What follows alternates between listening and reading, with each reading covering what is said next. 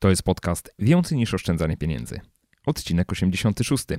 Dzisiaj rozmawiam z prawnikiem o tym, jak odzyskać opłaty za likwidację polisy inwestycyjnej.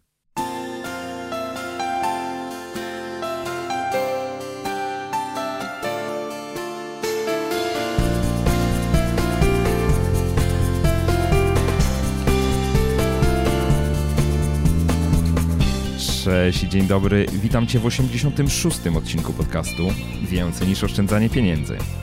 Ja nazywam się Michał Szafrański i w tej audycji przedstawiam konkretne i sprawdzone sposoby pomnażania oszczędności. Opowiadam, jak rozsądnie wydawać pieniądze i jak odważnie realizować swoje pasje i marzenia. Jeśli tylko szukasz odrobiny stabilizacji finansowej i emocjonalnej w swoim życiu, to ten podcast jest dla Ciebie.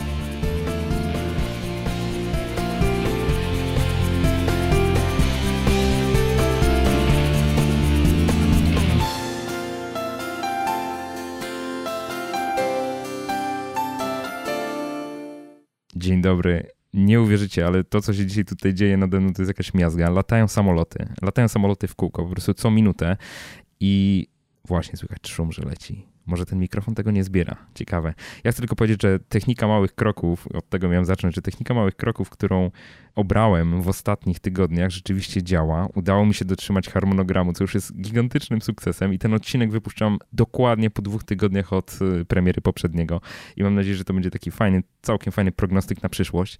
A dzisiaj temat, który powinien zainteresować zdecydowaną większość tych osób, które posiadają polisy inwestycyjne, e, nazywane inaczej polisami z ubezpieczeniowym funduszem kapitałowym, czyli UFK, nazywane także polisolokatami, czy też tak bardziej niewinnie nazywane czasami programami systematycznego oszczędzania.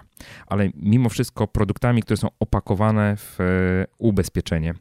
I dzisiaj rozmawiam z prawnikiem, z Robertem Głowackim, o tym, jak się z takich polis niechcianych wykaraskać, bo sporo klientów, którzy dzisiaj takie produkty posiadają, już się zorientowało, że tak naprawdę wcale ten produkt dla nich pieniędzy nie zarabia. Czyli ponoszą straty i to pomimo, że systematycznie dopłacają pieniądze do polisy, to wartość środków systematycznie topnieje, a jednocześnie towarzystwa ubezpieczeniowe, szczególnie w tych starszych produktach, miały taką politykę, że przywiązywały klienta do tego produktu i na przykład w pierwszych latach obowiązywania takiej polisy w przypadku, kiedy chcielibyśmy z niej zrezygnować, to pobierały po prostu gigantyczne opłaty. W pierwszym roku na przykład 99% wpłaconych środków, w kolejnym roku 90%, w trzecim roku 80% i tak dalej, i tak dalej.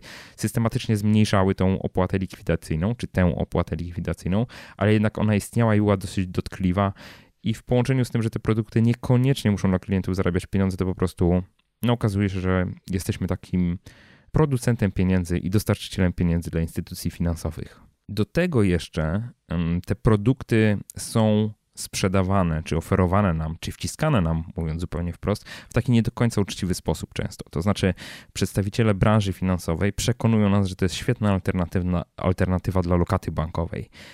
A tak wcale nie jest. To mimo wszystko jest produkt inwestycyjny i wcale nie gwarantuje tego, że nie stracimy tego kapitału, który wpłaciliśmy, czyli nie posiada tej podstawowej cechy, jaką jest e, ochrona majątku, który, e, który wpłaciliśmy, no, chociażby na lokatę. E, dlaczego w takim razie doradcy finansowi w taki sposób postępują?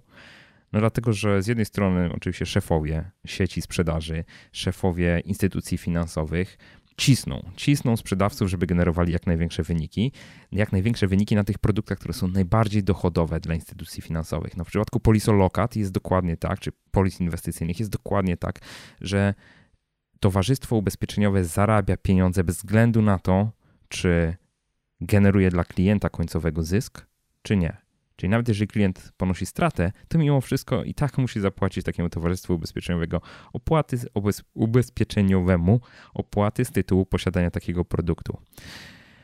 No i jest jeszcze jeden czynnik. Sami doradcy finansowi też bardzo dużo zarabiają, mają bardzo wysokie prowizje za sprzedaż tego typu produktów. Także nie należy się dziwić, że instytucje finansowe masowo dołączają je na przykład do kredytów hipotecznych, i proponują nam je w zasadzie, można powiedzieć, na każdym kroku i przy każdej wizycie, czy przy każdej rozmowie telefonicznej, kiedy tylko pokażemy, że rzeczywiście mamy jakieś pieniądze, które moglibyśmy zainwestować, albo chcielibyśmy po prostu oszczędzać, czy chcielibyśmy, żeby one do nas zarabiały nieco więcej.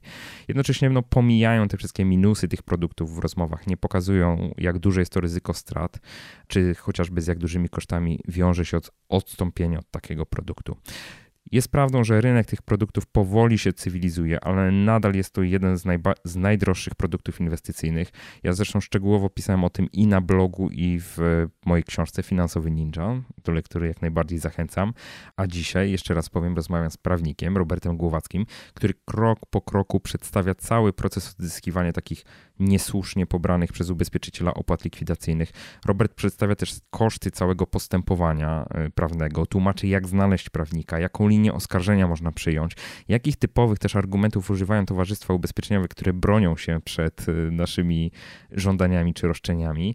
No i na koniec też dowiecie się, ile czasu trzeba czekać na, na rozstrzygnięcie takiego postępowania i takiej sprawy sądowej. Wniosek najważniejszy, który płynie z całej tej rozmowy, jest taki, że w zdecydowanej większości przypadków daje się odzyskać poniesione przez klientów opłaty likwidacyjne. Sądy coraz częściej orzekają pomyśli klientów, także warto, warto, warto, no nie warto, nie warto, warto, także warto się takiej walki po prostu podejmować. Nie przedłużam, serdecznie zapraszam e, do wysłuchania naszej rozmowy. Cześć Robert. Cześć Michał. Przedstaw się proszę słuchaczom, powiedz kim jesteś i co robisz. Jestem adwokatem, prowadzę kancelarię adwokacką w Poznaniu, mam biuro, mam biuro też w Śremie. Prowadzę e, sprawy osób fizycznych, reprezentuję ich przed sądami. Pomagam też przedsiębiorcom w różnego rodzaju procesach w ich działalności gospodarczej, bieżącej mm, albo procesach takich e, powiedzmy większych, inwestycyjnych, ale generalnie no, największą frajdę zawodową sprawia mi e, pomoc e, w takich bieżących sprawach życia codziennego osobom fizycznym, czy to jakieś, czy to właśnie sprawy cywilne, czy to rozwody, czy to sprawy upadłościowe, karne też czasem prowadzę. Także na tym, na tym koncentruje się moja praktyka. Sprawia ci radość y, pomoc w sprawach rozwodowych? Y, wiesz co, sprawia mi radość, ponieważ y, rozwód to jest z jednej strony zakończenie pewnego etapu w życiu, ale z drugiej strony to jest też początek, także no, zawsze należy patrzeć z perspektywą no, pozytywną do przodu, więc wydaje mi się, że jeżeli pomagam komuś no, zakończyć w pewnym sensie oczywiście pewien etap w życiu, no to jest to zawsze wartościowe i, i, i zawsze trzeba tutaj no, za taką osobę trzymać kciuki, co się. I szukać e, pozytywów. I szukać dokładnie pozytywów w tej całej sytuacji. No właśnie, to tak e, spotkaliśmy się co prawda nie w temacie spraw rozwodowych, ale może kiedyś jakiś odcinek również i o tym. Robert, y, ja chciałem z Tobą porozmawiać o polisach UFK, bo wiem, że też pomagasz takim klientom, którzy próbują się z tego typu produktów wykaraskać. Mhm. I zadam Ci na początek takie bardzo, można powiedzieć, proste i ogólne pytanie, mhm. ale co Ty zarówno jako prawnik, jak, jak i no po prostu osoba indywidualna sądzisz o tego typu produktach? Znasz je już, bo pomagasz klientom w takich sprawach. Mhm. Znaczy, fajnie, fajnie, że powiedziałeś, że nie tylko jako prawnik, no bo nie ukrywam, że to jest też gdzieś e, e, obszar moich takich zainteresowań osobistych, ponieważ no, ja się interesuję rynkiem kapitałowym generalnie. E, liznąłem w życiu też trochę wykształcenia ekonomicznego, ponieważ równolegle z prawem studiowałem zarządzanie. Dlatego powiedzmy, że nie są mi do końca obce w ogóle tematy związane e, z finansami. No i patrząc na to, e, patrząc, e, interesując się też problematyką problematyką albo w zasadzie zagadnieniem oszczędzania, e, odkładania pieniędzy, czytając Twojego bloga, słuchając Twoich podcastów, mając swoją książkę, no, zdobywając, rozwijając wiedzę w tym zakresie, gdzieś, ta, gdzieś, gdzieś no, problematyka oszczędzania, a tak jest, e, tak te produkty związane z polisolokatami są sprzedawane przez pośredników. Tak, jako e, taki sprytniejszy sposób oszczędzania. Dokładnie. To no, powiem szczerze, e, one budzą moje wątpliwości e, osobiste. No i ja nie jestem fanem e, tego typu produktów, mówiąc tak oględnie mhm. i, i eufemistycznie. No. Dlaczego nie jesteś fanem? Po pierwsze, uważam, że te produkty mają strasznie skomplikowany charakter dla zwykłego odbiorcy, dla konsumenta. To pewnie rozwiniemy sobie bardziej w kwestiach prawnych, natomiast one są, pośrednicy, z tego co przynajmniej klienci mi opowiadają, przedstawiają te e, produkty jako formę oszczędzania na przyszłość. Przy czym, no umówmy się, jeżeli miesięcznie płacisz składkę, która następnie całościowo albo częściowo jest inwestowana, to no tutaj nie ma, nie ma tej cechy, która jest najbardziej istotna przy oszczędzaniu, czyli gdzieś ochrony kapitału. Mhm. E, te produkty absolutnie e, w mojej ocenie są tego pozbawione. Tutaj strata może się równać e, de facto liczbie wysokości wpłaconych składek. Także no już chociażby z tego względu to, to budzi moją wątpliwość, że nie ma tej funkcji ochronnej. Dalej, one są skonstruowane w ten sposób, że y, tak naprawdę y, no, przywiązują konsumenta, y, osobę, która chce oszczędzać do tej polisy. No i pytanie teraz, czy, czy cel inwestycyjny, czy długoterminowe oszczędzanie powinno temu służyć? No, pewnie to jest argument do tego, żeby, mm, żeby, żeby faktycznie konsument nie rezygnował szybko z tych produktów, no ale nie może się to dziać takim kosztem, jakim się dzieje właśnie przy w zdecydowanej większości tych produktów. E, dalej, e, sam ten produkt inwestycyjny, on jest e, upstrzony, mówiąc wprost, szeregiem opłat, które, no są, które tak naprawdę potrafią zjeść cały wynik, nawet jeżeli jest on pozytywny mhm. tego, tego, tego produktu finansowego. Dlatego też no, jako osoby już powiedzmy prawnika, ale też osoby, która gdzieś jest zainteresowana oszczędzaniem, no, budzą moje wątpliwości. Mhm. No właśnie, bo taki, taka pułapka, w którą my wpadamy jako klienci posiadający te produkty, to jest y, to, że teoretycznie oszczędzamy z zamiarem, to znowu używam słowa oszczędzamy, ale tak naprawdę jest to produkt inwestycyjny stricte. Odkładamy pieniądze z zamiarem tego, że one będą dla nas wypracowywały systematycznie zyski, Problem polega na tym, że wpadamy w pułapkę, tak jak powiedziałeś, nie możemy łatwo zrezygnować z takiego produktu, dlatego że grożą nam wysokie opłaty likwidacyjne. Czy ty możesz powiedzieć, w jakiej wysokości zazwyczaj te opłaty likwidacyjne są w przypadku takich klientów, którzy do mm. ciebie się zwracają? One, powiem szczerze, e, one są uzależnione od tego, w jakim momencie, e, w jakim roku polisy tak de facto klient się znajduje. Rozwiniemy to sobie jeszcze, ale w, w latach e, myślę, że nie przesadzę, jeżeli powiem 2008-2012, zwykle te produkty były tak konstruowane, że jeżeli klient chciał rozwiązać umowę w czasie pierwszych dwóch lat trwania polisy, to albo tracił całość środków zgromadzonych na rachunku, albo y, znaczną ich część 99%. Mhm. Później y, myślę, że średnio co roku przez jakiś okres 10-15 lat te, te procenty się zmniejszają sukcesywnie, ale to ciągle są to no, znaczne kwoty, zważywszy też na to, że te, te, produkty nie muszą, e, ich wartość, e, wartość środków zgromadzonych na rachunku, e, ona wcale nie musi rosnąć. Tak. A jeżeli opłaty likwidacyjne są odniesione do wysokości składki, no to może się zdarzyć rocznej składki, to może się zdarzyć tak, że nawet po około 5-6 latach gdzieś wartość tego wartość opłaty likwidacyjnej wyniesie nawet połowę rachunku. Mhm. Mhm. No właśnie, to jest, to jest największe ryzyko, które się wiąże dzisiaj, znaczy wiązało się, może nie mhm. dzisiaj, dlatego że dzisiaj te zarówno regulacje, czy wytyczne e, UOKiK mhm. chociażby, czy rzecznika finansowego powodują, że te produkty stały się bardziej przyjazne mhm. dla klientów. Mówimy o tych nowo zawieranych tak, e, polisach. Tak. Mhm.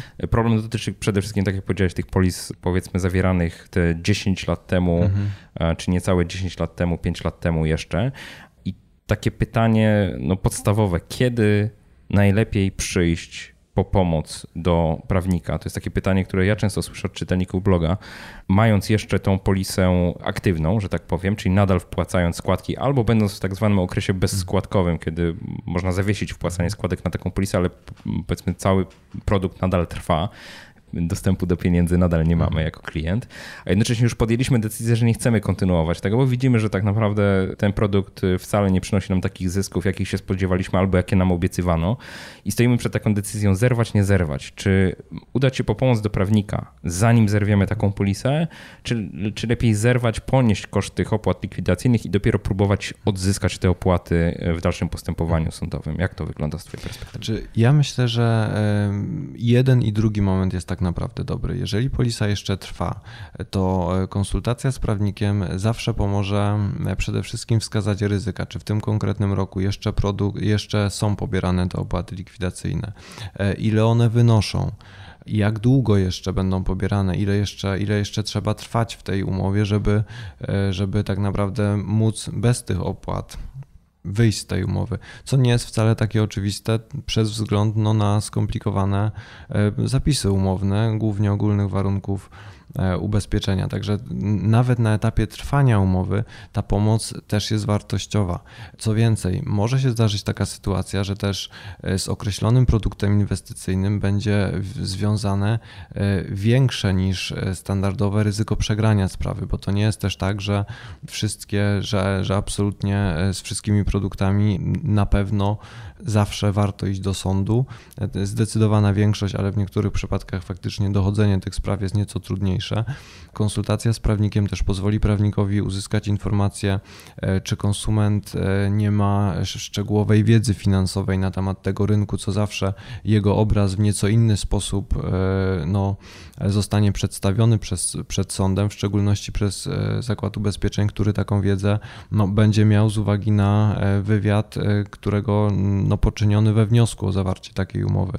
Także to też, to też zawsze zwiększa trochę już później ryzyko procesowe. Natomiast po zakończeniu już samej umowy, to jest to kwestia sprawdzenia e, właśnie z jakiego, z jakiego, jakiego produktu umowa dotyczy, no i, e, i tak naprawdę jaka, jak wysoka opłata likwidacyjna została pobrana, czy jak, jak bardzo zostało zaniżone e, świadczenie wykupu, no i określenie mm, no, sposobu najefektywniejszego dla klienta odzyskania tej kwoty. Mhm. Także na jednym i na drugim etapie, tak podsumowując, no ta pomoc jest, jest wskazana. Okej. Okay. No to kluczowe pytanie, które się pojawia, to jest y, jak znaleźć y, takiego prawnika, który w takich sprawach y, może się okazać pomocny. Bo załóżmy, że znaczy tu dwa scenariusze znowu bym rozróżnił. Mamy klienta, który jest załóżmy klientem świadomym finansowo, czyli potrafi sam na podstawie umowy, którą zawarł z grubsza po, policzyć czy oszacować, jaka będzie wysokość opłat likwidacyjnych, czyli taki, nazwijmy to mini audyt wewnętrzny mhm. tego produktu potrafi wykonać, czyli wie z czym się będzie mhm. wiązało odstąpienie od, e, czy zerwanie takiej umowy. Mm, I to jest ten jeden scenariusz. Czy w tym przypadku też byś doradzał konsultację z prawnikiem, czy nie? Myślę, że jak najbardziej, ponieważ prawnik też spojrzy na to e, z punktu widzenia własnego doświadczenia, własnego doświadczenia procesowego w dochodzeniu takich spraw okay. i też e, i, jak najbardziej cenne informacje nawet takiemu e, świadomemu klientowi może przekazać. Także myślę, że na tym etapie jest również pomoc jest no, bardzo cenna. Jest jakiś klucz szukania konkretnych prawników, którzy się takimi sprawami zajmują, czy, czy, czy nie? Jak, jak, jak, jak tego można dokonać? Myślę, że myślę, że przeglądając, no tutaj pewnie wyjściem będzie internet e, i, i przeszukiwanie zasobów. E, myślę, że przeglądając strony internetowe kancelarii, no e, warto na pewno zwracać się do kancelarii prawnych, a nie biur doradztwa. Okay. Zawsze, zawsze kancelaria prawna, no to jest też, mamy, są to osoby z uprawnieniami, które które też no, odbyły odpowiednie przygotowanie, a nie, nie mamy do czynienia z taką osobą, która gdzieś kiedyś była, kiedyś sama te produkty sprzedawała, a e, teraz, a teraz e, obecnie tak, tak doradza chce, klientom, jak z nich uciec. Do, dokładnie tak. No, e, uważam, że warto zwracać się do kancelarii, sprawdzać, czytać o ich doświadczeniu procesowym, bo to jest też ważne w tego typu sprawach. Głównie są to sprawy spory prawne żeby weryfikować, czy określona kancelaria umie się e, odnaleźć. Znaczy, to oczywiście nie sposób tego stwierdzić przez stronę internetową, ale ze względu na to, co jest tam napisane, można wyrobić sobie zdanie, czy kancelaria dysponuje doświadczeniem procesowym, czy też tego typu sprawy prowadziła. No i na tej podstawie dokonać, dokonać wyboru. Też no, nie bez znaczenia są warunki współpracy, jakie, jakie proponuje kancelaria e, w takim zakresie, bo też e, rynkowo wydaje mi się, że przedstawia to się bardzo różnie. Tak, do tego przejdziemy, bo rzeczywiście te koszty bywają różne i w niektórych przypadkach wręcz można odnieść wrażenie, że są kancelarie, które specjalizują się po prostu w zarabianiu na tego typu postępowaniach, ale do tego dojdziemy. To, to może zapytam z innej beczki. Czy uważasz, że można samodzielnie próbować dochodzić swoich praw bez pomocy prawnika w tym przypadku? Przypadku? W przypadku polis UFK? Wydaje mi się, że w każdej sprawie można sobie poradzić bez pomocy prawnika, aczkolwiek na pewno pomoc prawnika w takich sprawach jest pożądana. Dlaczego? Te sprawy, jak już powiedzieliśmy sobie, są y, głównie sprawami, gdzie mniejszą rolę odgrywa stan faktyczny, tak co do zasady, a są to przede wszystkim spory prawne, czyli no, musimy przekonać sąd, że te konkretne kwestionowane przez nas postanowienia umowne, one pozostają w sprzeczności z dobrymi obyczajami, no i rażąco naruszają e, interesy konsumentów. No, warto przy tym oczywiście powołać się już na wcześniejsze orzeczenia, na orzeczenia Sądu Najwyższego, na e, orzeczenia Sądu Apelacyjnego w Warszawie, też e, na wpisy tych postanowień do rejestru klauzul abuzywnych. Wszystko to warto zrobić i to warto zrobić już w pozwie no, ze względu na, na określone obowiązki procesowe, e, które procedura cywilna nakłada na strony. Stąd też no, wiedza prawnicza w tym, w tym zakresie jest jak najbardziej pożądana. Mogę powiedzieć też, że e, miałem taką sytuację ostatnio. Moja klientka, e, z uwagi na to, że ja zawsze informuję rzetelnie o tym, co się dzieje w sprawie, informuję o piśmie, o pismach, jakie składam, informuję też o odpowiedzi, mm, które składają, o, o pismach procesowych składanych przez zakłady ubezpieczeń. No i e, nie tak dawno przesłałem do klientki właśnie, jak tylko przyszło pismo z zakładu ubezpieczeń, przesłałem jego skan, przesłałem dokumenty też załączone do tego pisma. Ciężki plik, e, wyszło kilkanaście megabajtów, bo same pismo liczyło, myślę, że wraz z załącznikami nie przesadzę, jeżeli powiem, że z 60-80 stron, mhm. także było co skanować. Przesłałem do klientki, po godzinie klientka do mnie zadzwoniła, mówi, panie Robercie, my to chyba przegramy. Także e, sam, sam sposób przedstawienia argumentów przez, przez e, pełnomocników e, pozwanych no, też wzbudza w człowieku, który nie ma wykształcenia prawniczego, określone, określone lęki i faktycznie kreuje to pewien obraz tego, że te zakłady mają rację. No oczywiście ja wyjaśniłem, że my się ze spokojem do wszystkiego odniesiemy i tutaj nie ma absolutnie strachu, że te argumenty one są powoływane, ale y, no tutaj my mamy odmienne zdanie i będziemy dalej stali na swoim stanowisku, także, e, także uspokoiłem, że no tutaj nie jest tak, że sprawa poprzez złożenie tego pisma jest pogrzebana, pogrzebana, ale pokazuje to, że mimo wszystko no, tutaj ten element wiedzy prawniczej jest konieczny e, i potrzebny, naprawdę potrzebny, żeby te korzystne orzeczenia uzyskać. Krótko mówiąc, zderzamy się jako klienci z wytrawnym przeciwnikiem, który jest zaprawiony w tego typu bojach, tak? To, to, dokładnie, jest, doku, jest, dokładnie tak. Takie dokładnie jest podsumowanie. Tak. No właśnie. No dobra, czyli wiedząc, że po drugiej stronie mamy bardzo wytrawnego przeciwnika, wiedząc, że musimy się do tego przygotować, wiedząc, że to jest spór prawny, kolejne pytanie, które się rodzi, to na ile takie sprawy z Twojej perspektywy i z Twojego doświadczenia prawniczego, one są czymś, co jest w miarę powtarzalne, a na ile one są unikalne. To znaczy, czy za każdym razem rzeczywiście musisz poszukiwać nowych argumentów, próbując przekonać sąd do, do swoich racji, czy jednak w miarę upływu czasu i w miarę upływu kolejnych pozytywnie załatwionych, rozstrzygniętych y, spraw, no można powiedzieć, że to działanie twoje jako prawnika, który próbuje dochodzić zwrotu tych niesłusznie pobranych opłat z naszej perspektywy, rzeczywiście pojawia się jakaś powtarzalność. Na pewno nie można powiedzieć, że e, każda sprawa jest taka sama. Faktycznie e, w tego typu sprawach zdarzają się pewne, pewne argumenty, które zakłady ubezpieczeń powtarzają, które my też powtarzamy. E, są to zwykle, mm, jeżeli chodzi o stanowisko konsumentów, no nie da się ukryć, że zwykle opłaty likwidacyjne one są naprawdę pobierane no, w znacznej wysokości w stosunku do zgromadzonych środków, także ten, to naruszenie interesów konsumentów, no jest, no zwykle jest rażące, no i nawet w odczuciu takim, takim społecznym to są, to są zawsze istotne procenty e, w odniesieniu do całości zgromadzonych środków, niezależnie od tego, jak w konkretnej umowie e, opłata likwidacyjna jest nazwana czy określona. To na pewno jedna rzecz. E, kolejnym to działa na naszą korzyść. Rozumiem. Tak, to działa na naszą korzyść. Kolejnym argumentem, który też gdzieś podnosimy i co również działa na korzyść konsumenta, jest na pewno to, że mm, w ogólnych warunkach ubezpieczeń nie spotkałem się przynajmniej z tym, żeby mm, było wyjaśnione rzetelnie, tytułem czego, lub w zasadzie mogę powiedzieć, że wyjaśnione wcale, tytułem czego e, opłata likwidacyjna jest pobierana. Mhm. E, to jest zwykle jedyna opłata, która nie ma żadnego uzasadnienia e, takiego merytorycznego, dlaczego zakład ubezpieczeń mm, ją pobiera.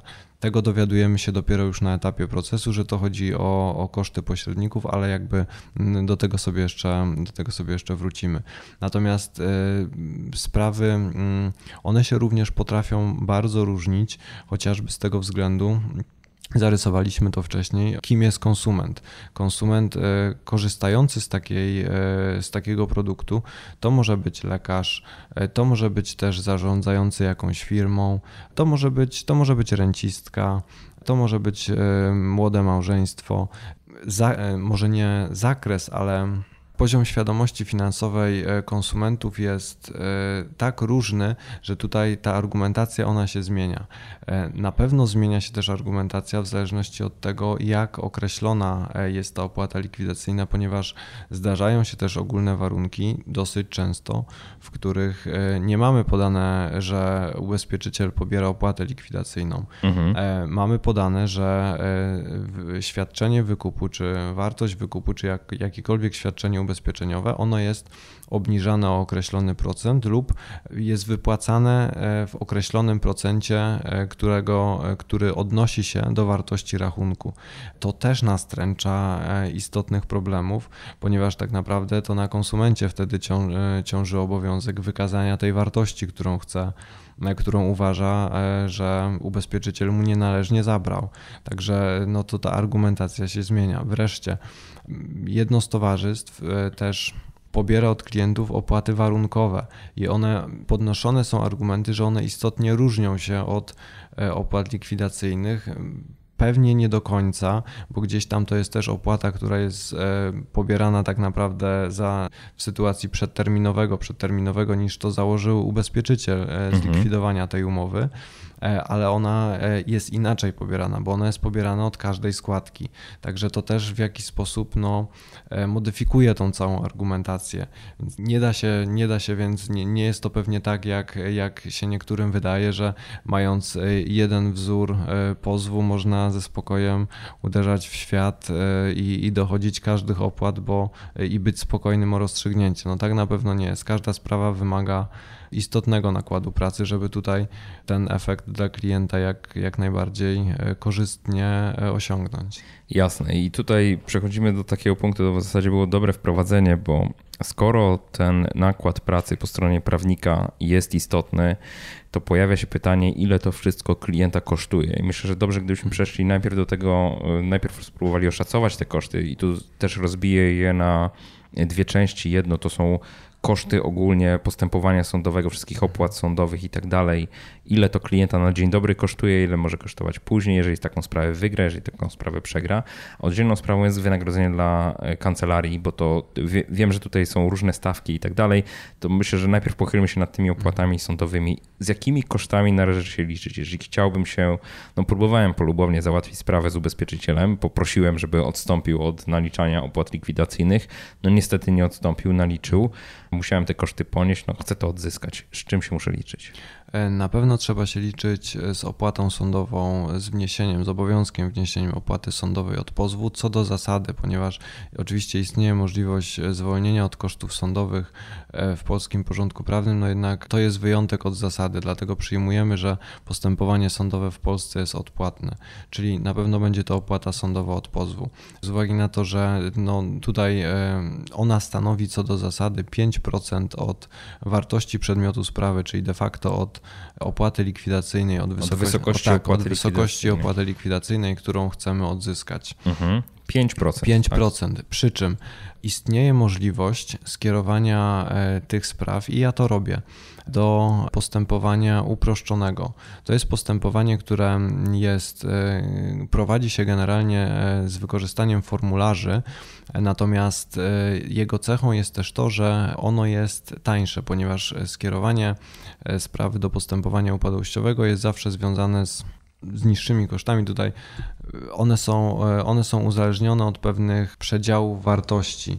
Jeżeli decydujemy się na e, skierowanie sprawy do postępowania e, uproszczonego, e, wówczas istotnie zyskujemy na obniżeniu kosztów opłaty sądowej od pozwu. Bo tak, w sytuacji, jeżeli wartość opłaty likwidacyjnej, czyli wartość przedmiotu sporu będzie niższa niż 2000 zł, wówczas opłata sądowa wynosi 30 zł. Mhm. Jeżeli opłata, jeżeli wartość przedmiotu sporu będzie wahała się od 2000 do 5000 zł, wówczas taka opłata sądowa wynosi 100 zł. Jeżeli e, wartość przedmiotu sporu będzie od 5000 do 7500, wówczas mhm. opłata sądowa to 250 zł. No i jeżeli wartość przedmiotu sporu będzie powyżej kwoty 7500 do 10 tysięcy zł, wówczas będzie to 300 zł, czyli widzimy, że to są te to są niższe opłaty niż byśmy liczyli 5% od Czyli to jest 3% na przykład przy 10 tysiącach tak. złotych, a tak byśmy mieli 5%. Dokładnie tak, mhm. także jest to zawsze korzystne. Tutaj tylko zaznaczę, że nie, każde, nie każdy sąd podziela pogląd, e, że te sprawy one nadają się do postępowania uproszczonego, ponieważ e, niektóre sądy traktują to jako sprawy materialnie rzecz ujmując bezpodstawnego wzbogacenia. To jest taka instytucja e, w prawie cywilnym, która właśnie umożliwia odzyskanie środków, jeżeli, czy w ogóle pieniędzy, jeżeli odpadła podstawa prawna do świadczenia. De facto jest tak w tych przypadkach. Niektóre sądy uznają, że z uwagi na to, że to są sprawy z bezpodstawnego wzbogacenia, to nie kwalifikują się do postępowania uproszczonego, które ma w założeniu dotyczyć umów. Niemniej nie każdy sąd tak naprawdę też pochyla się nad tym zagadnieniem, i nie każdy ubezpieczyciel to kwestionuje, ponieważ e, no, tak naprawdę w interesie ubezpieczyciela też nie jest na siłę zawyżanie kosztów tego postępowania, ponieważ e, jeżeli przy, przegra, tak, jeżeli przegra, ponosił, to będzie tak? je ponosił. Mhm. Dlatego w zdecydowanej większości spraw spotkałem się z tym, że pomimo tego, że mm, pewnie zdania co do tego, czy to przechodzi do postępowania, czy to należy do postępowania uproszczonego są podzielone, to jednak dla chociażby tego, żeby obniżyć też sobie ewentualne koszty przegranej sprawy, ubezpieczyciele nie zajmują się tym tematem. Także mm, można ze spokojem, myślę, przejmować, że jeżeli opłata likwidacyjna, którą klient chce odzyskać, jest niższa niż 10 tysięcy złotych, to te opłaty będą liczone według przedziałów, o których sobie powiedzieliśmy, mhm. E, a nie od wartości przedmiotu sporu. Dobra. Także to jest jedna opłata. Druga opłata tak. to jest zawsze opłata skarbowa od pełnomocnictwa. Jeżeli klient decyduje się na korzystanie z pomocy pełnomocnika, no to e, obowiązkiem jest też e, opłacenie takiego pełnomocnictwa i to jest opłata stała, ona wynosi zawsze 17 e, zł. Także to są te koszty sądowe, które obciążają klienta przy wnoszeniu sprawy do sądu. Mhm. Natomiast oczywiście trzeba też informować o kosztach przy ewentualnym przegraniu sprawy przez klienta i one, one przedstawiają się różnie w zależności od tego, w jaki sposób jest prowadzone postępowanie. To jest w zależności dokładnie od tego, co się w nim nim wydarzy. Mhm. Na pewno e, te koszty stanowią e, koszty zastępstwa procesowego drugiej strony.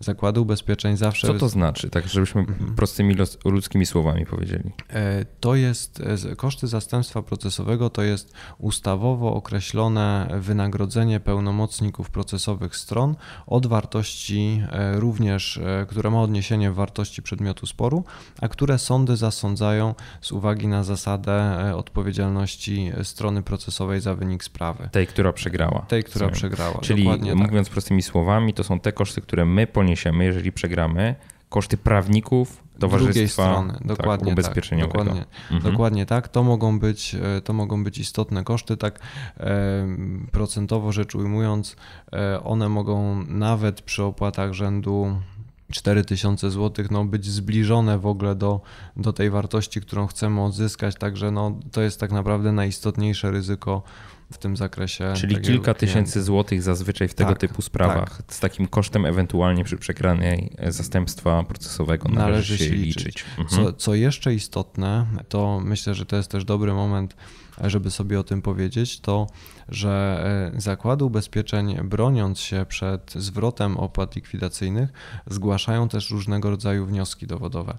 Mhm. Między innymi są to wnioski o przeprowadzenie dowodów z opinii biegłych aktuariuszy. I w sytuacji, jeżeli taki dowód zostanie dopuszczony, e, to Zakład Ubezpieczeń jako strona e, wnioskująca o taki dowód będzie obowiązana zaliczkę wpłacić na poczet przeprowadzenia tego dowodu, ale przy przegraniu sprawy e, no, kosztami tego biegłego również My będzie, zostaniemy tak, obciążeni. Będzie Mhm. obciążony, będzie obciążony konsument. Dlatego to jest to tak de facto kolejne ryzyko, które gdzieś z tą mm, przegraną sprawą należy wiązać. Jak duże mogą być to koszty, tak y, czysto orientacyjnie? Myślę, że przy roszczeniach, przy roszczeniach o odzyskanie opłat likwidacyjnych rzędu 7, 7 tysięcy mogą to być koszty, w zależności też od tego, czy sprawa przejdzie przez obie instancje, czy przez jedną instancję, to mogą być nawet e, koszty no, Porównywalne, też porównywalne do, Czyli do wartości, kolejne kilka którą- tysięcy złotych koszty opinii Dokładnie ewentualnych tak. biegłych, aktuariuszy. Aktuariuszy, czyli osób, które po stronie ubezpieczyciela odpowiadają m.in. za konstrukcję produktów Mhm. ubezpieczeniowych, tak w dużym uproszczeniu. Nie? Dobra, czyli y, to jest ten wariant pesymistyczny, czyli przegrywamy i zostaniemy obciążeni kosztami drugiej strony po prostu. Dokładnie tak. Wariant, y, rozumiem, że do tego dochodzą nam jeszcze koszty wynagrodzenia dla prawnika naszej strony, o których będziemy rozmawiać. To zależy od, to zależy od umowy tak naprawdę z Jasne. prawnikiem. Mhm. Bo jeżeli prawnik pobiera wynagrodzenie, mówiąc w cudzysłowie z góry, no to oczywiście, że tak, no to, to tych kosztów w żaden sposób nie odzyskamy.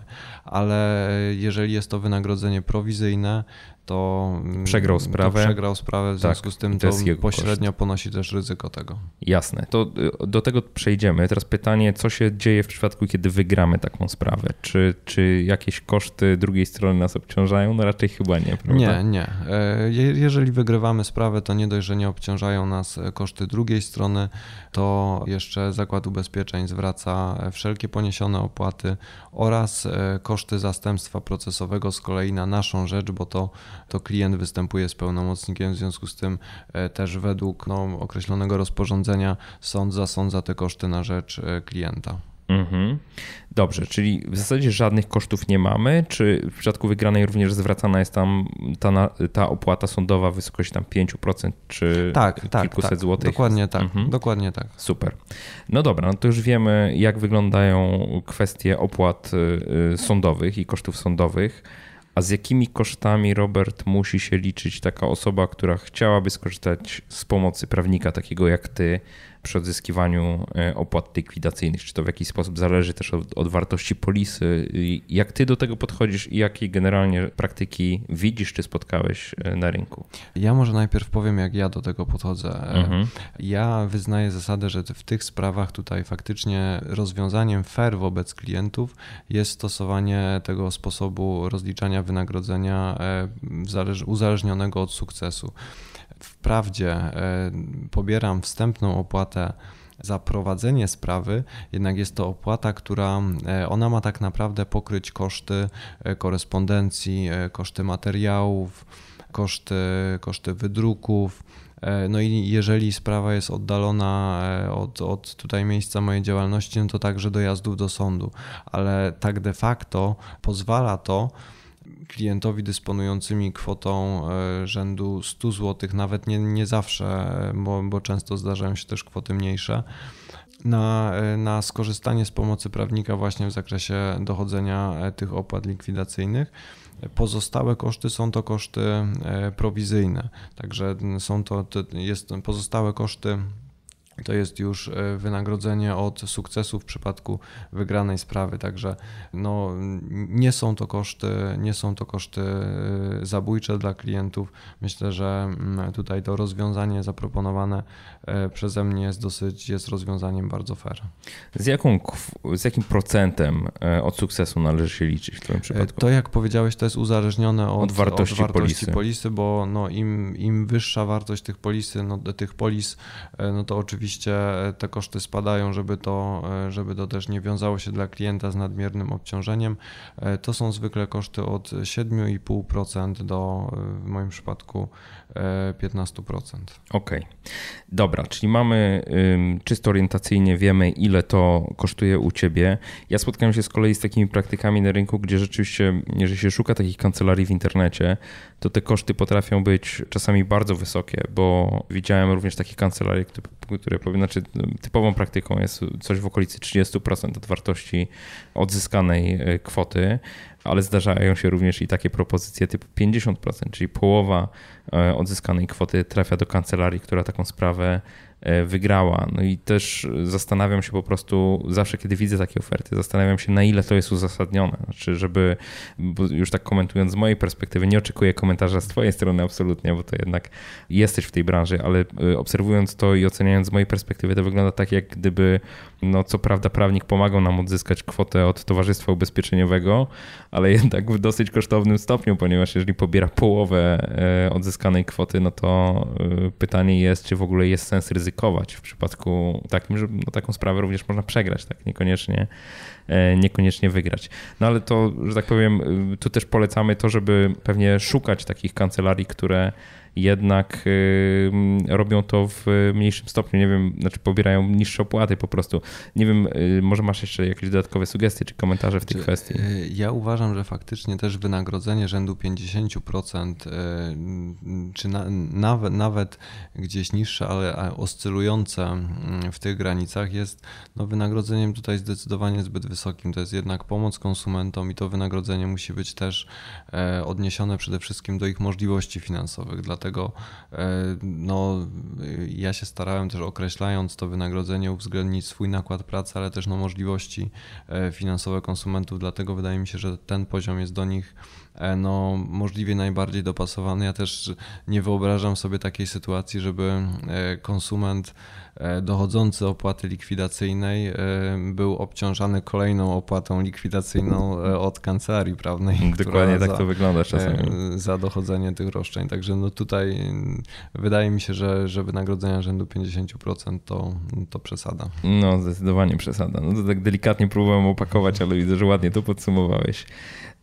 Dobrze, to chciałbym, żebyśmy znając już te koszty i wiedząc, z czym się liczymy, zarówno w takim wariancie pozytywnym, e, kiedy wygrywamy, jak i tym negatywnym, e, kiedy przegrywamy, chciałbym, żebyśmy chwilę porozmawiali na temat tego, jakie są te typowe problemy, z którymi ty się musisz mierzyć jako prawnik jakie są z jednej strony typowe, powiedzmy, punkty zahaczenia dla ciebie y, w kontekście tego, żeby próbować dochodzić y, zwrotu niesłusznie pobranych opłat y, od towarzystw ubezpieczeniowych, a z drugiej strony, jaka jest linia obrony przyjmowana przez towarzystwa ubezpieczeniowe, czyli z czym najczęściej będziemy mieli okazję się zetknąć, jeżeli przyjdzie nam do głowy razem z pomocą prawnika przez taką sprawę przechodzić.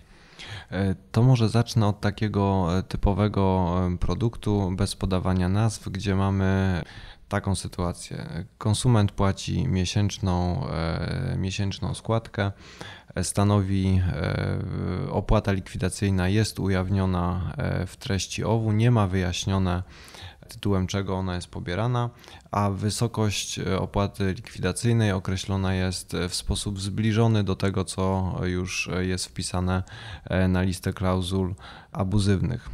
Główne argumenty, które my tutaj podajemy, to e, no, przede wszystkim, tak jak sobie powiedzieliśmy już, e, wysokość tej opłaty. Tak? Ona jest zawsze dla, dla konsumenta istotna e, i to przesądza o tym, w mojej ocenie, ale sądy raczej to podzielają, że mm, no, te, te klauzule rażąco naruszają interes konsumenta i są, pozostają w sprzeczności z dobrymi obyczajami. Dalej, sam fakt niewyjaśnienia charakteru tej opłaty w OWU też zwykle w naszej ocenie pozbawia e, zakładu ubezpieczeń prawa do powoływania się na przykład na rzekome powiązania e, tych, tych opłat z kosztami pośredników, e, które mają one pokrywać. Tak, bo dlaczego no w sumie klient miałby finansować y, pośredników? Dokładnie, to, to de, facto do tego sprowadza się argumentacja e, zakładów ubezpieczeń. No, no nie jest to słuszne. Każde, każda firma prowadzi sama działalność gospodarczą, no i tutaj nie jest uprawnione e, przerzucanie jeszcze e, tych kosztów na słabszą stronę stosunku prawnego, jaką no, przy tego typu umowach zawsze jest konsument. Często jest też tak, że same, same ogólne warunki pisane są naprawdę skomplikowanym językiem. Tam jest taka mnogość odniesień do poprzednich paragrafów, e, że no one de facto są bardzo mm, wręcz niezrozumiałe dla większości osób. Sam sposób też ich przedstawienia to są albo książeczki e, zapełnione e, wyrazami pisanymi naprawdę bardzo małą czcionką, grube. No, e, w jakiś sposób też to odpycha konsumenta, nawet e, który decyduje się na przystąpienie do takiej polisy, do przeczytania tego. No, mówiąc szczerze, nie ma się co dziwić. E, niemniej zawsze no, należy wymagać należytej staranności przy zawieraniu umów, ale to też no, powinno, być, powinno być przedstawiane w taki bardzo przystępny sposób dla konsumenta. Dalej, na co, na co jeszcze się powołujemy, to na pewno to, że sama opłata likwidacyjna z uwagi na to, że e, nie ma jej wyjaśnionej w treści owu, e, no to stanowi formę przywiązania konsumenta do polisy, bo e, tak naprawdę ma doprowadzić do sytuacji, kiedy mm, konsument, że konsument będzie zarabiał na produkcie dopiero wtedy, kiedy zarobi na tym zakład ubezpieczeń.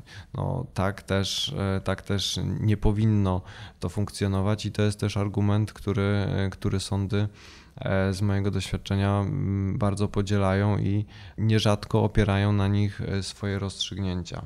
Dalej, e, często jest też tak, że te opłaty likwidacyjne, one są uzależnione od wartości rachunku, czyli skoro są uzależnione od wartości rachunku, no to są zmienne w czasie, a tak. skoro są zmienne w czasie, no to nie mogą w żaden sposób pokrywać kosztów zakładów e, ubezpieczeń w zakresie tych wszystkich. Bo te koszty się w gruncie rzeczy nie zmieniają, tak? Dokładnie. tak? Zostały jakieś koszty poniesione stałe. i powinny być stałe, tak? Dokładnie tak. Także to są te, to są te argumenty, które gdzieś, gdzieś my stosujemy i one trafiają do, trafiają do składów orzekających, trafiają do sądów i sądy na tej podstawie też zasądzają kwoty opłat likwidacyjnych.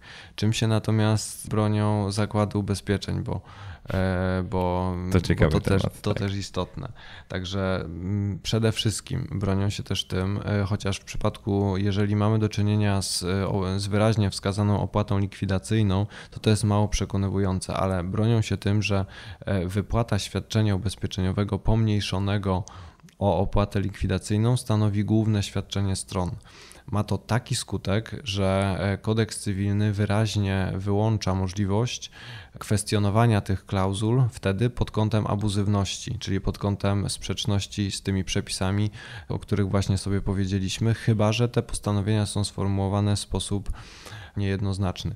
Także to jest niewątpliwie jeden argument, aczkolwiek on nie chwyta w przypadku, tak jak powiedzieliśmy sobie, nie chwyta w przypadku tych produktów, gdzie wyraźnie jest wskazane, że ubezpieczyciel pobiera opłatę likwidacyjną. Ale kolejny argument, e, który e, czasem, e, który czasem no, znajduje posłuch w sądach, jak analizowałem orzecznictwo, to, że konsument dysponował jakąś specjalną wiedzą, czy miał doświadczenie finansowe i tak naprawdę sądy wtedy stanęły na stanowisku, że wymagane od niego było, żeby świadomie przeanalizował sobie za i przeciw zawierania takiej umowy. E, czyli że jak długo chciał, jak długo chciał e, być w tej umowie, jak długo chciał być jej stroną, e, jak długo chciał oszczędzać pieniądze. No i tutaj zdarzały się faktycznie wyroki, że wprawdzie nie w mojej praktyce, ale, ale jak, jak analizowałem orzecznictwo, że tutaj sądy ze względu na te szczególne właściwości konsumenta nie zdecydowały się e, zasądzić zwrotu. Czyli krótko mówiąc, uznały, że klient powinien był zrozumieć, co mu jest przedstawiane tak. i, że tak powiem, świadomie skorzystał z tego produktu. To od razu zapytam Cię tutaj, na ile oświadczenia podpisywane przez klientów przy zawieraniu tego typu umów, a są takie oświadczenia, w których my podpisujemy się pod tym, że tak, e, przedstawiono nam produkt, my go zrozumieliśmy, rozumiemy, czym jest ryzyko inwestycyjne i tak dalej, i tak dalej. To są w pewnym sensie, wiadomo, że w praktyce to wygląda w ten sposób, że często doradca finansowy podsuwa nam kolejny świstek do podpisania, klient nieszczególnie czyta to, co zostało mu przedstawione, doradca tłumaczy, że to jest czysta formalność, tak, klient podpisuje, ale z drugiej strony Później w sądzie ewentualnie towarzystwo ubezpieczeniowe ma podkładkę, że klient rzeczywiście zapoznał się z czymś takim, ryzyko mu zostało przedstawione, oświadczył, że rozumie. Tak? Na ile można podważać takie, takie oświadczenia? Mm, znaczy, powiem szczerze, nieszczególnie da to się podważyć, ponieważ no, tutaj postępowanie, postępowanie dowodowe w tym zakresie jest dosyć utrudnione, ponieważ wprawdzie na tym wniosku ubezpieczeniowym jest zawsze podana e, osoba pośrednika, który e, podpisywał z klientem produkt, to jednak zwykle e, po x latach od dnia podpisania takiego wniosku tej osoby już dawno nie ma w instytucji finansowej, która która gdzieś podpisywała tą umowę, a klient też e, no, zwykle nie do końca przypomina sobie, czy on otrzymał te e, warunki przed zawarciem e, umowy, czy zostały mu one dostarczone wraz z dokumentem polisy po zawarciu umowy.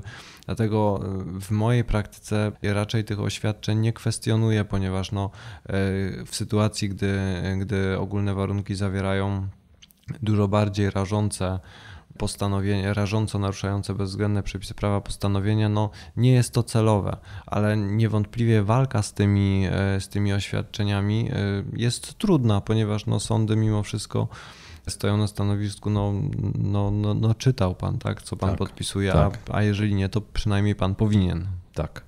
Okej, okay, dobra, to jedźmy dalej. Co jeszcze towarzystwa wymyślają, żeby, że tak powiem, wygrać? Towarzystwa jeszcze często powołują się na to, że skoro konkretna klauzula, konkretne, e, konkretne postanowienie ogólnych warunków nie jest wpisane na, na listę klauzul mhm. niedozwolonych, no to wszystko jest ok. To znaczy, że, e, że tutaj nikt przecież e, nie kwestionuje tego i, e, i my dalej możemy w majestacie prawa pobierać te opłaty. No nie do końca tak jest. Naciągane, grubymi nićmi szyte. Grubymi nićmi szyte. No, oczywiście to, że konkretne postanowienie nie jest wpisane na listę klauzul niedozwolonych, nie wyłącza możliwości kwestionowania tego postanowienia na drodze kontroli indywidualnej, także no, ten argument jest, jest na pewno chybiony. Zakłady ubezpieczeń też powołują się na długoterminowość umowy, że, przede, że przecież e, no jak ta umowa miała być, e, miała być zawarta na 30, 15, 10 lat i tak naprawdę w oparciu o to e, została też wyliczona składka ubezpieczeniowa. I teraz konsument nagle rezygnuje z tego. No, no, nawet jeżeli uznać, że umowa ma charakter długoterminowy, to e, określenie w umowie sposobu jej zakończenia nie może tylko i wyłącznie e, obciążać konsumenta. Musi to być wyważone, e, powiedzmy, a nie, że to konsument tak naprawdę musi tylko i wyłącznie ponosić koszty tego, że w końcu towarzystwo też w międzyczasie no zarabiało na, na tym produkcie. Dokładnie tak. Także długoterminowość umowy no, nie jest tutaj argumentem decydującym, ponieważ no, nie można też, e, i to, e, to też jest podnoszone e, przez nas, ograniczać możliwości rozwiązania konsumentowi umowy w sposób sprzeczny z przepisami, a możliwość wypowiedzenia umowy ubezpieczenia no, jest zapisana w kodeksie cywilnym, a tak określenie opłaty likwidacyjnej też w jakiś sposób może stanowić tego materialne ograniczenie. Także no, to jest też jakiś, jakiś, jakiś sposób no, zwalczania tego argumentu. Wreszcie ubezpieczyciel, e, i to już sobie też zarysowaliśmy, e, powołuje się na ponoszone przez ubezpieczyciela koszty prowizji pośredników. Mhm. E, to są, e, to, są to koszty e, agentów ubezpieczeniowych, chociaż w wielu, wielu przypadkach są to też różnego rodzaju koszty operacyjne, wynajmu biur. Też spotkałem się z tym, że nawet, nawet, nawet tego typu koszty były podciągane pod, pod wysokość tej opłaty likwidacyjnej. No, pewnie te koszty i są ponoszone, aczkolwiek sam sposób ich wyliczenia czasem budzi wątpliwość. No niemniej w mojej ocenie i tak jest też, taka jest też dominująca linia orzecznicza. Na te koszty nie można się powoływać e, już e, po rozpoczęciu procesu, niejako wręcz na jego potrzeby, e, jeżeli w OWU w ogóle nie było wskazane, że na przykład opłata likwidacyjna ma te koszty w pewnym zakresie Pokrywać. pokryć. Tak. No, ponadto te koszty ubezpieczenia, one bardzo często, myślę, że w, nie przesadzę jak powiem, że w znacznej większości przypadków, one są oderwane od wysokości tych opłat likwidacyjnych. Być może jest moment w toku całej umowy ubezpieczeniowej, kiedy akurat wartość tych kosztów ubezpieczeniowych jest zgodna z opłatą likwidacyjną, ale to jest pewnie tylko jeden moment i w żaden sposób no, nie można na podstawie tego wyprowadzać dalszych wniosków, że to zawsze ma stanowić e, odpowiednik tych ponoszonych kosztów, ponieważ no, tak nie jest. Mm -hmm, Także to są, to są te główne argumenty którymi też zakłady ubezpieczeń e, się posiłkują w walce z konsumentami przy standardowych produktach. Warto, myślę, powiedzieć też o mm, produktach ubezpieczeniowych, w których nie ma wyraźnie określone, że ubezpieczyciel pobiera opłatę likwidacyjną.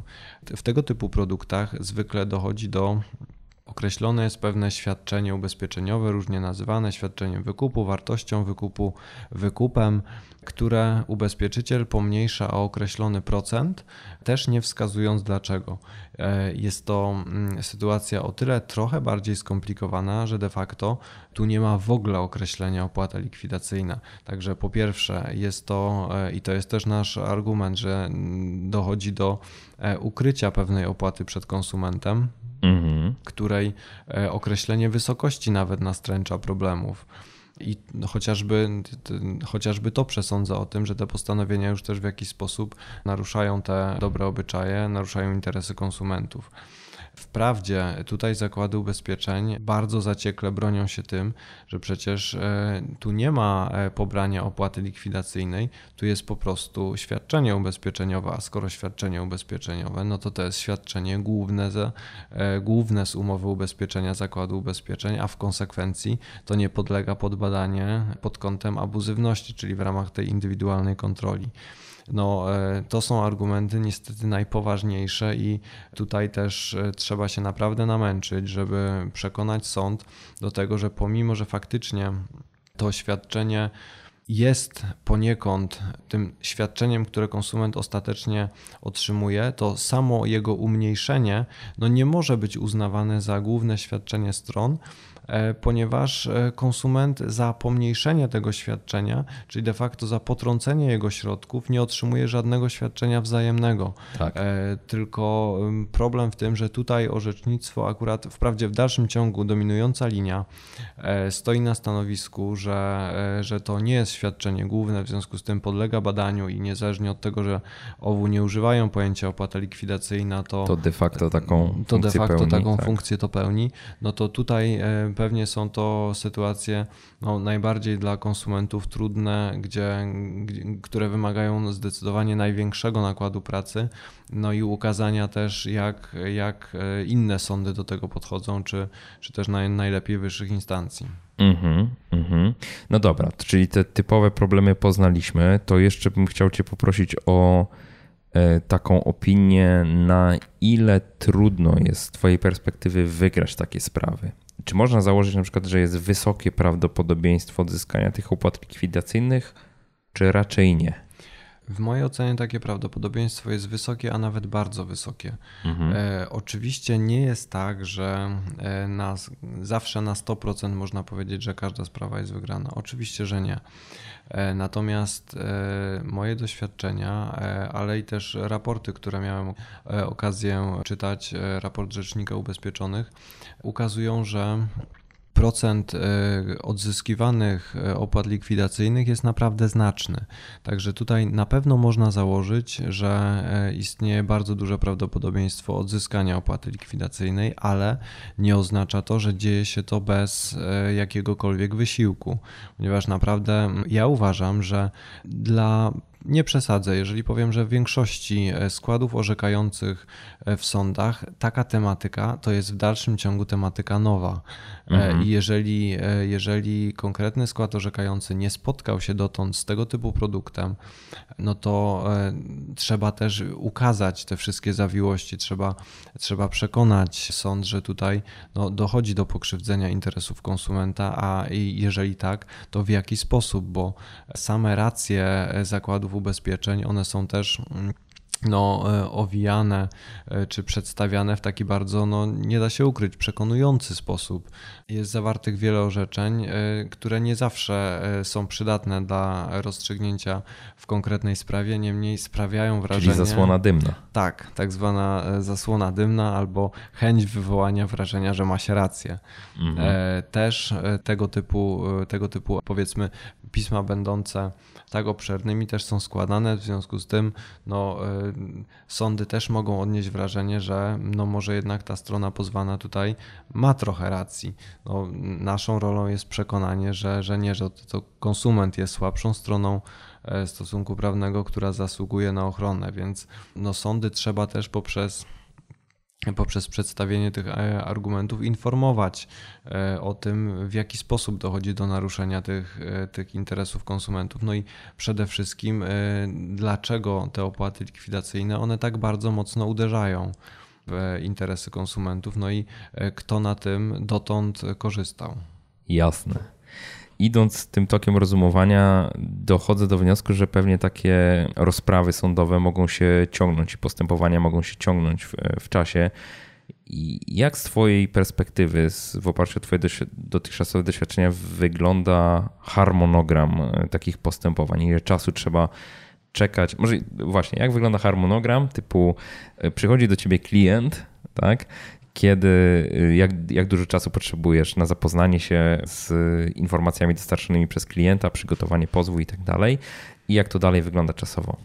Ze względu na już e, spore doświadczenie w tym zakresie, sama analiza dokumentów przedstawionych przez klienta nie zajmuje wiele czasu. Zwykle to jest jeden dzień. Jeżeli klient dysponuje możliwością spotkania się kolejnego dnia, e, to wówczas po e, pozostawieniu mi dokumentów do analizy, Następnego dnia możemy się spotkać, e, porozmawiać sobie o tym, jakie są szanse. Jeżeli e, uznamy, że kierujemy, że decydujemy się na dochodzenie e, tych opłat od zakładu ubezpieczeń, podpisujemy umowę, klient podpisuje pełnomocnictwa do reprezentowania w sprawie i możemy działać. Zaczynamy zawsze od e, skierowania wezwania do zakładu ubezpieczeń, do polubownego rozwiązania tej sprawy. Raz, że wymusza na nas to e, procedura cywilna, a dwa, że no, po co iść do sądu, skoro można porozumieć się poza sądem. No, zawsze to szybciej i też mniej kosztowo, zarówno dla no, zakładu ubezpieczeń, jak i, jak i klienta, w szczególności jeżeli chodzi o to koszt tego czasu. Czy udało się kiedykolwiek polubownie ułożyć z towarzystwem ubezpieczeniowym? E, mi dotąd się nie udało, co e, powiem szczerze, o tyle mnie, e, o tyle mnie zszokowało, szczególnie w jednym przypadku, że reprezentowałem klienta, który wykupił produkt z ogólnymi warunkami ubezpieczenia, gdzie postanowienia te zostały, były niemalże identyczne z tymi, e, które były wpisane na listę klauzul abuzywnych. E, w związku z tym no tutaj po stronie, e, po stronie klienta była no niemalże stuprocentowa szansa wygrania sprawy, no i niemalże stuprocentowa szansa przegrania sprawy po stronie towarzystwa. po stronie towarzystwa. Ja oczywiście w tym przedsądowym wezwaniu napisałem, że tutaj no nie jest celowym wdawanie się w spór i, i generowanie kosztów. Nawet załączyłem ten wyrok sądu e, apelacyjnego, na podstawie którego doszło do wpisania do rejestru klauzul abuzywnych ale no nie poskutkowało to, nawet to nie poskutkowało, pomimo że, tak jak powiedziałem, te postanowienia były niemalże identyczne. E, no i oczywiście ta sprawa została, e, sąd e, uwzględnił w całości nasze racje, no i de facto Zakład Ubezpieczeń poniósł dodatkowe koszty. Sprawa została nie, nieco, nieco w czasie się odroczyły, odroczył moment, kiedy klient odzyskał te środki, no ale jednak to, z tym, że no tu też nie do końca rozumiem, czym się kierował Zakład Ubezpieczeń, skoro można to było na drodze przedsądowej ze spokojem uzgodnić i nie byłoby potrzeby, no ale w każdym razie moja praktyka no, nie wskazuje na to, żeby te możliwości ugodowe e, były realne, pomimo, -hmm. pomimo dosyć e, no, korzystnej w, dalszej, w dalszym ciągu linii orzeczniczej dla konsumentów. Dobra, czyli jedźmy dalej. Ty w zasadzie dwa dni E, potrzebujesz na to, żeby klientowi już jakiś scenariusz dalszy przedstawić, jak ten scenariusz się przedstawia, jak ten harmonogram się przedstawia. Po e, przygotowaniu przeze mnie e, wezwania do zapłaty od razu je wysyłamy i czekamy na odpowiedź towarzystwa. Zwykle około 21 dni mhm. należy czekać. Tak de facto zdarzają się już sytuacje, że towarzystwa odpowiadają w 14 dni w 100% przypadków, z którymi ja się spotkałem, stały one dalej na swoim,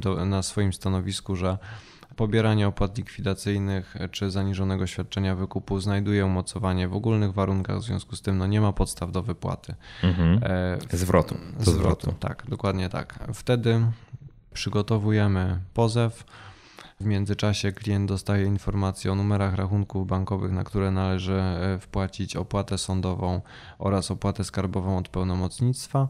No i też w niedługim czasie e, po, to się dzieje jakby e, równolegle, także jeżeli zwykle jest tak, że jeżeli klient już opłaci ten pozew, to jest on gotowy i w niedługim czasie po tym, po otrzymaniu potwierdzeń przelewów, my ten pozew wysyłamy składamy do, składamy lub do sądu, jeżeli sprawa jest w Poznaniu. Także ten tak naprawdę najdłuższym okresem przerwy e, w takich realnych działaniach jest ten okres, kiedy czekamy na decyzję ubezpieczyciela. No i po, po złożeniu sprawy do sądu musi minąć określony czas. E, sąd zapoznaje się z tym materiałem, decyduje, czy wydać nakaz zapłaty, czy od razu wyznaczyć rozprawę i dostarczyć e, pozew pozwanemu ten czas e, trwania, czas od, od, od złożenia pozwu do wyznaczenia rozprawy różnie się przedstawia w zależności od sądu. Najszybciej to jest e, półtora miesiąca, dwa miesiące, no mhm. no najdłużej czasem i pół roku w zależności od obłożenia, mm, od obłożenia e, no, sprawami w konkretnym sądzie. Także ten realnie ten okres od wniesienia pozwu do pierwszej rozprawy właśnie może wynieść od 2,5 do, do 6 miesięcy. Jasne. A później taka praktyka, y, sama rozprawa, że tak powiem, czy to się odbywa w ramach jednej rozprawy, czy, czy po, potrzeba więcej? Jaka jest złożoność e, tego typu spraw? To powiem szczerze, zależy, mhm. bo zwykle całe szczęście sądy chcą sprawnie takie postępowania kończyć i w, zdecydują, w decydującej większości przypadków jedna sprawa starczy, ponieważ zwykle na niej sąd przesłuchuje klienta, decyduje o wnioskach dowodowych, które, które są zgłaszane przez zakłady ubezpieczeń, zwykle je oddala. E, mhm. Ja się nie spotkałem jeszcze z tym, żeby sąd dopuścił dowody ze świadków wnioskowanych przez zakłady ubezpieczeń czy też przez aktuariuszy. Mm, także de facto jedynym takim momentem, kiedy dochodzi do postępowania dowodowego, e, jest e, przesłuchanie, przesłuchanie klienta, przesłuchanie strony. E, aczkolwiek i to nie zawsze jest konieczne. Tutaj decydujące znaczenie ma to, że to jest spór prawny, także ta jedna, można przyjąć, że ta jedna rozprawa jest w zupełności wystarczająca, chyba że e, sąd stwierdza, że chce się zastanowić dłużej nad e, wnioskiem dowodowym strony pozwanej, wtedy te terminy, wtedy mogą być wyznaczone kolejne terminy i, i, i faktycznie wydłuża to sprawę. Po e, zakończeniu rozprawy e, sąd e, albo ogłasza wyrok od razu, albo i to jest też to jest częstsza praktyka, odracza jego ogłoszenie na termin do dwóch tygodni. Mhm. Po uzyskaniu wyroku strona, jeżeli on jest oczywiście niekorzystny dla zakładu ubezpieczeń, to dominującą praktyką jest to, że zakłady ubezpieczeń się od tych wyroków odwołują, wnoszą apelację, także sprawa idzie do sądu wyższej instancji. E, no i kolejne pół roku trzeba czekać na rozstrzygnięcie.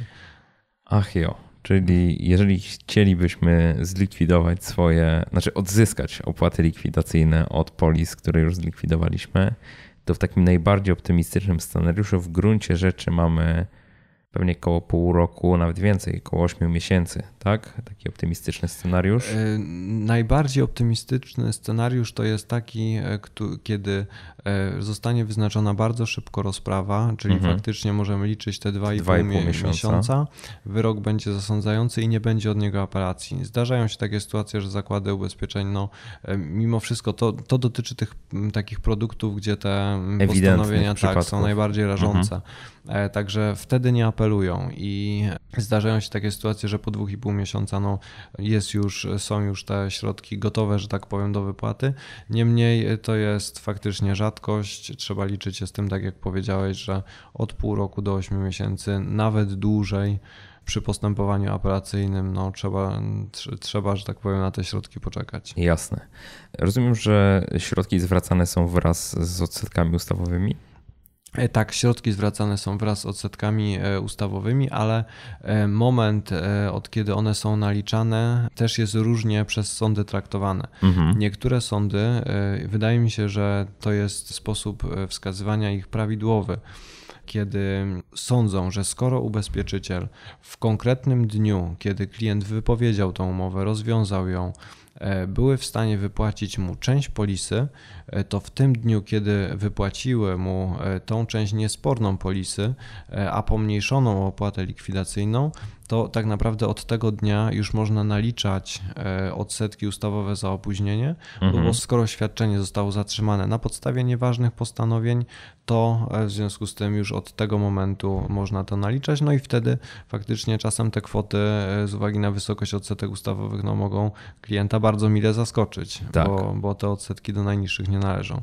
Natomiast istnieją też poglądy i tutaj bym powiedział, że ich rozkład przedstawia się 50 na 50 50. Mhm. Sądy uznają, że z uwagi na charakter tego świadczenia, z bezpodstawnego wzbogacenia, to świadczenie jest wymagalne e, niezwłocznie po wezwaniu, czyli wtedy liczy się te, data tego mm, wezwania, które my przygotowujemy w imieniu klienta. Czyli pozwu w gruncie e, rzeczy. Nawet tego wcześniejszego. Wcześniejszego, tego wtedy wcześniejszego, kiedy tak, składamy propozycję ugody tak. to, to już jest traktowane jako, jako to wezwanie, od którego należy no, liczyć e, termin naliczania odsetek. Także no tutaj dwie dwie możliwości podejścia do sprawy, ale na pewno e, z chwilą zgłoszenia, jeżeli zgłosi się takie żądanie w pozwie, to na pewno sąd takie odsetki zasądzi. Tak naprawdę dyskusyjny jest tylko moment od kiedy. Mhm. Super. Świetne informacje. Tak się zastanawiam na koniec, Robert, gdybyś miał udzielić e, kilku porad takim klientom, którzy dzisiaj mają polisy UFK, i jedynym, co ich powstrzymuje przed zerwaniem takiej polisy są właśnie opłaty likwidacyjne. Co byś im doradził, tak w pigułce? E, doradziłbym im, żeby przede wszystkim przeanalizowali treść samej umowy, czy w tym konkretnym momencie naprawdę muszą ją zrywać. Zastanowiłbym się też e, na ich miejscu, czy oni e, konkretnie, czy potrzebują tych pieniędzy, które e, gdzieś tam zgromadzili. Oczywiście, jeżeli jest tak, że z roku na rok te oszczędności, nazwijmy to oszczędnościami, czy te topnieją. środki topnieją i te spadki są drastyczne, a powiedzmy koniunktura na rynku no, realnie pozwala sądzić, że mm, no, wzrostów skokowych nie będzie, no to po konsultacji z prawnikiem, tak jak sobie powiedzieliśmy, można rozważyć zakończenie tej umowy i dochodzenie opłat e, przed sądem. Natomiast e, jeżeli do końca tego okresu, w którym pobierane są opłaty likwidacyjne, zostało niewiele czasu, przykładowo dwa lata, no to też e, i faktycznie ta polisa nie przynosi zbyt wielkiej straty, no to trzeba się zastanowić, bo tak naprawdę ten termin, który pozostał do końca tej umowy, no jest istotna szansa, że przed jego upływem i tak nie odzyskamy tych e, mhm. środków, a skoro produkt nie przynosi strat, no to, to tak naprawdę mm, też dochodzenie tych spraw przed sądem i e, angażowanie siebie w pewien nowy proces, wydaje mi się, że dla większości osób nie będzie celowe, więc wtedy bym to odradzał. Tym bardziej i to też pokutuje jeszcze w społeczeństwie, dla większości osób wizyta przed sądem jest źródłem olbrzymiego stresu. stresu dokładnie tak. E, nie ma się co dziwić, e, aczkolwiek trzeba brać pod uwagę też specyfikę tych spraw, bo z nimi nie powinien być związany żaden e, konkretny stres, bo to tak naprawdę starczy opowiedzieć e, o odczuciach związanych z tą, z tą umową, e, opisać jak to wyglądało i to jest, to jest nikt tam, nikt tam klienta nie będzie, nie będzie obdzierał ze skóry. To, to nie jest też tak, że, że, trzeba, że trzeba się liczyć z nie wiadomo jakimi nieprzyjemnościami. To jest normalna wizyta wprawdzie przed organem wymiaru sprawiedliwości, no ale jednak w konkretnym celu. Dlatego jakby już też trochę podsumowując, e, nie ma się co stresować, ale jeżeli e, jest niedługi okres do upływu tej umowy, no to warto się zastanowić, czy dochodzenie ich ma sens. Natomiast jeżeli kiedyś już doszło do rozwiązania takiej umowy dawno, niedawno, przed upływem 10 lat, e, to e, no jedyną możliwością tak naprawdę odzyskania tych opłat, no to jest e, skierowanie sprawy na drogę postępowania sądowego. No, także jeżeli taka osoba, która była kiedyś klientem, kiedyś nabyła taki produkt, chciałaby odzyskać środki, no to polecałbym wtedy kontakt z kancelarią, która w, w tego typu procesie będzie w stanie pomóc. Kiedy takie roszczenia z naszej strony się przedawniają? E, one przedawniają się z upływem 10 lat od rozwiązania umowy. Okay. Także ten okres, e, kiedy można ich dochodzić, jest relatywnie długi. Mhm. To jeszcze mam pytanie takie: kto przepytuje nas jako klientów w sądzie? Przepytuje nas sąd, czy przepytuje nas w zdecydowanej większości przypadków e, przepy, e, przepytywanie rozpoczyna sąd. Później strona, która e, konkretny dowód zawnioskowała, czyli no zwykle jestem to ja i na samym końcu w swoje szpony klienta dostaje pełnomocnik zakładu ubezpieczeń. Także no tak to wygląda, ale tak jak mówię, to przesłuchanie de facto nie jest niczym strasznym mhm. E, i nie powinno wiązać się mm, dla klientów ze stresem też. No, no, ja też dbam o to, żeby zawsze być tam z klientem duchowo, duchowo i procesowo wspierać, także nic złego się nie może tam wydarzyć. Super i ty, tym optymistycznym akcentem będziemy kończyć, ale powiedz jeszcze Robert na koniec, gdyby ktoś chciał się z tobą skontaktować, znaleźć więcej informacji o twojej kancelarii, to gdzie się powinien udać? To zapraszam serdecznie na stronę internetową e, mojej kancelarii. To jest e, www.rg od nazwiska i imienia e, legal.pl pisane razem i tam znajduje się wyczerpująca informacja o mojej praktyce, doświadczeniu zawodowym i wszelkich aktualnościach, które no, towarzyszą tutaj mojej kancelarii. Także bardzo serdecznie zapraszam. Dziękuję. Dzięki wielkie Robert za rozmowę y, i mam nadzieję na rozmowę jeszcze na inne tematy w przyszłości. Dzięki wielkie Michał, ja również y, mam nadzieję, że jeszcze będziemy mieli mnóstwo okazji, żeby y, tutaj podzielić się ze słuchaczami informacjami, które no, mogą im pomóc w życiu, w ich bieżących sprawach. Dzięki, Dzięki wielkie. Dzięki, do usłyszenia. No i jak było konkretnie? Było mięso.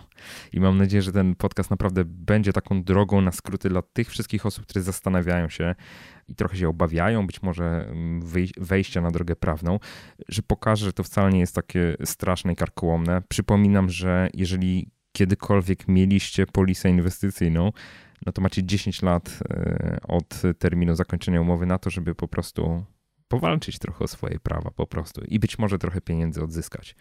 Ja chcę jeszcze podkreślić, oprócz tego, co mówił Robert, że to się w rozmowie nie pojawiło, ale że bardzo dobrą pracę w zakresie wsparcia klientów wykonuje rzecznik finansowy, tak, taka instytucja, która jest powołana do tego, żeby chronić interesy klientów przed nadmiernymi zakusami instytucji finansowych. Dawniej ta instytucja był, nazywała się Rzecznik Ubezpieczonych, teraz nazywa się Rzecznik Finansowy i w, zwrócę uwagę, że w ciągu ostatnich kilku lat wyszły takie dwa bardzo obszerne raporty rzecznika dotyczące polis z ubezpieczeniowym funduszem kapitałowym. Rzecznik tam bardzo krytycznie wypowiada się o praktykach towarzystw ubezpieczeniowych, pokazuje liczne przykłady na to, że rzeczywiście klienci są wprowadzani w błąd, klienci są oszukiwani, klienci tracą na tego typu produktach. Ja linki do tych raportów zamieszczę w notatkach do tego odcinka podcastu. E, Notatki te będą znajdowały się pod adresem jakoszczędzaćpieniądze.pl ukośnik 086, tak jak 86 odcinek podcastu. Zachęcam do zapoznania się z tymi raportami. Zachęcam też oczywiście do kontaktu z poznańską kancelarią Roberta Głowackiego. Robert dosyć skutecznie pomaga w odzyskiwaniu opłat likwidacyjnych od ubezpieczycieli. Ja absolutnie nic z tego nie mam, że polecam po prostu e, wiecie, gdzie można ewentualnie zapukać. Oczywiście Robert jest w Poznaniu, więc gdybyście mm, chcieli znaleźć kogoś bliżej siebie, to też dobrym miejscem na, na szukanie takich kancelarii prawnych, które pomagają klientom w tym zakresie, jest taka strona, taki serwis oszukani przez polisy.pl. Ten link też zamieszczę w notatkach do tego odcinka. E, tę stronę stworzył Łukasz, który kiedyś sam miał problem z odzyskaniem opłat za, za swoją polisę szukał dla siebie takiej, takiego prawnika, takiej kancelarii, która mu w tym pomoże i był bardzo zaskoczony działaniem niektórych kancelarii prawnych, które każą sobie płacić czasami kilkadziesiąt procent wartości tych odzyskanych opłat likwidacyjnych. Albo na przykład mają inne podejście, żądają od klienta wniesienia dużej opłaty początkowej za w ogóle za przystąpienie do rozpatrywania takiej sprawy, na przykład od tysiąca do nawet kilku tysięcy złotych, więc y, można powiedzieć w zasadzie bez gwarancji żadnego sukcesu. Także trochę jako panaceum Łukasz stworzył taką stronę, która dzisiaj pomaga innym trafić do takich kancelarii, które pobierają podobno dużo, dużo niższe opłaty. Tam co prawda na tej stronie nie ma takiego jawnie opublikowanego rankingu, więc trudno mi to zweryfikować, ale podobno po kontakcie z bezpośrednio z twórcą tej strony takie informacje można uzyskać. Ja oczywiście nieustająco zachęcam Was do zakupu książki Finansowy Ninja i robię to bezwstydnie już w tej chwili. Tam przedstawiłem autentycznie takie najbardziej popularne triki, które stosują instytucje finansowe przy tych ich wysiłkach dobrania się do naszych pieniędzy. I ta wiedza i świadomość zagrożeń uważam, że bardzo skutecznie pomagają się bronić. I tym bardziej mocno zachęcam do lektury, także myślę też, że to jest też bardzo dobry prezent e, dla tych osób, na których naprawdę Wam zależy. No, także zachęcam, zachęcam. Samoloty cały czas nade mną latają, to jest niesamowite. Myślę, że nie będzie tego słychać, ale powiem Wam, to jest tak rozpraszające, bo ja słyszę je pomimo słuchawek założonych na uszy co chwila, dosłownie co półtorej minuty, żum, żum nad głową. No właśnie, jest już lepiej, od razu powiem. Na samo zakończenie, może nie od razu, tylko na samo zakończenie powiem, że jest już lepiej. Wracam powoli do roboty, wybijam się w ten taki reżim. Próbuję być systematyczny. Zobaczymy, jak to dalej pójdzie. Trzymajcie kciuki. Ja za siebie cały czas trzymam kciuki. no właśnie. I myślę, że na tym będę dzisiaj kończył, już nie przedłużając, także tak optymistycznie. Dzięki wielkie za wspólnie spędzony czas i życzę skutecznego omijania tych wszystkich raf na tym finansowym morzu i szybkiego przenoszenia Twoich celów finansowych na wyższy poziom. Trzymaj się, do usłyszenia.